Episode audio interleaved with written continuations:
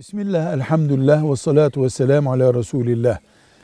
Camiler ikinci katta ise alt katları kiraya verilerek orada caminin menfaat elde etmesi, bakımının yapılacak bir gelirin elde edilmesi umumiyetle planlanır.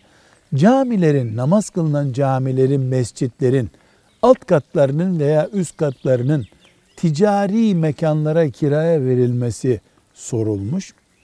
Evvela bunu hoş görmeyiz. Çünkü bir cami yerin en altından göklere kadar olan mesafesi mabet kabul edilir. Binaenaleyh ufak tefek zaruretlerden dolayı camilerle ticaret haneleri velev ki o ticaret haneler makul şeyler olsun yani haramla işgal etmeyen ticaret olsun birleştirmemek gerektiğini düşünürüz. Ama bunun camide kılınan namazla bir alakası olmaz.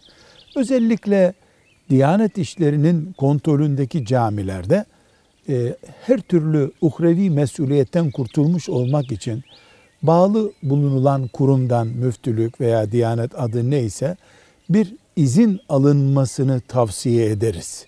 Zira en azından cami heybeti açısından olumsuz bir görüntü muhakkak vardır. والحمد لله رب العالمين.